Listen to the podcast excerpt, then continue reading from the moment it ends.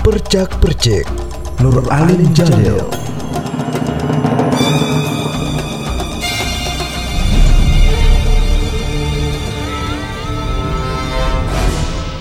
Kota Ulat Wali Kota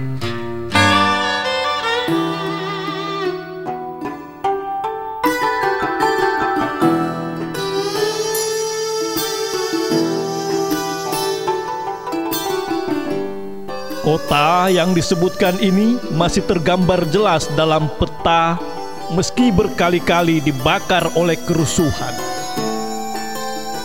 Penduduknya berwatak keras dan konon selalu menempatkan rasa malu sebagai cermin hidup. Mereka juga mempunyai kebiasaan mengagungkan masa lalu. Puang, Karai, Andi.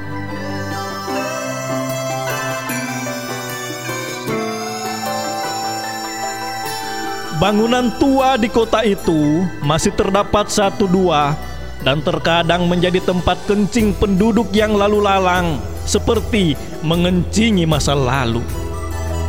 Terkadang menjadi sudut bagi pelacur untuk menawarkan birahi sampai pagi. Pernahkah kamu berada di antara bangunan tua itu dalam malam yang gelap seorang diri Pernahkah kamu bersandar di tembok tua itu dengan nafas dan bau mulut kering sementara para pengemis tertidur melingkar seperti ulat yang kruyek-kruyek dekatmu? Pernahkah kamu melihat pengemis yang demikian pulas tertidur dengan sudut bibir penuh iler sementara di ujung mulutnya terdapat alat kontrasepsi yang barusan dijatuhkan dari lantai sekian sebuah bangunan tua? Kota yang masih tergambar jelas dalam peta itu sesungguhnya seperti kota yang tidak pernah ada. Seorang maling melangkah tenang sembari mendorong motor curiannya yang mogok. Di ujung sebuah jalan yang teramat rusak, ia berpapasan dengan seorang polisi dengan mulut bau alkohol. Kedua tangan sang polisi menenteng jerigen berisi bensin yang diambil dari kendaraan kena rahasia yang dikumpulkan di pekarangan kantor. Ia mungkin ingin menjualnya ke penjual bensin eceran dan buru-buru menundukkan wajah ketika matanya bersitatap dengan seorang lelaki yang mendorong motor di tengah malam yang sesungguhnya seorang maling.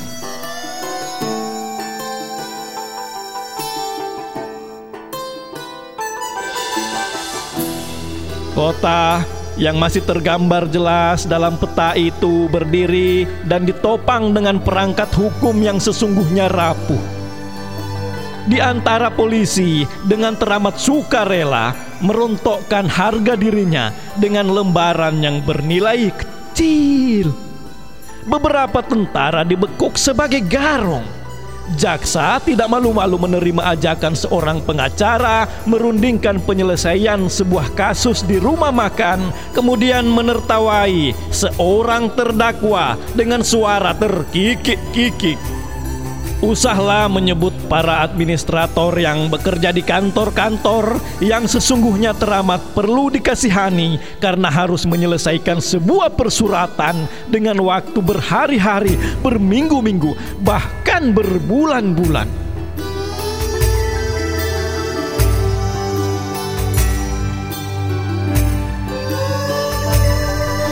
Musik berdentam di sebuah pubtu Cahaya lampu kristal terpantul di dada seorang pelacur yang dipandang takjub oleh seorang pejabat dan sejumlah bawahannya.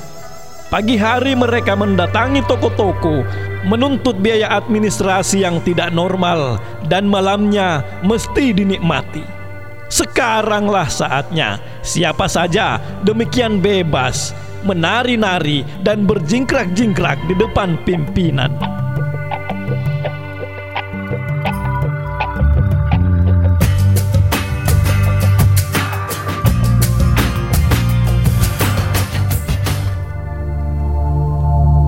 Tersebut tanpa pujangga.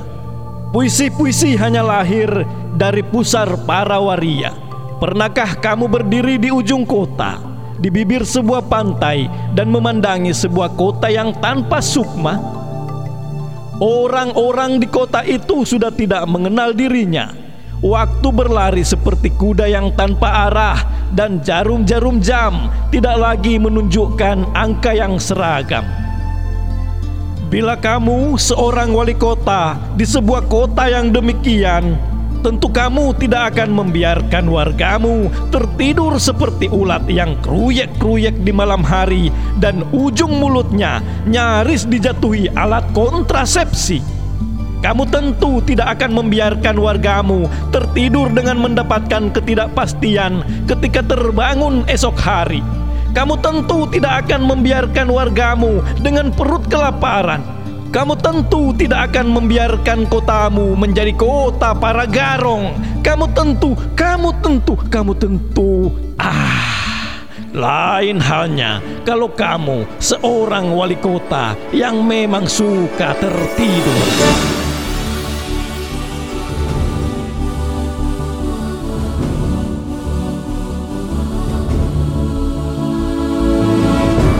Ditulis di Makassar 17 Juni tahun 2000.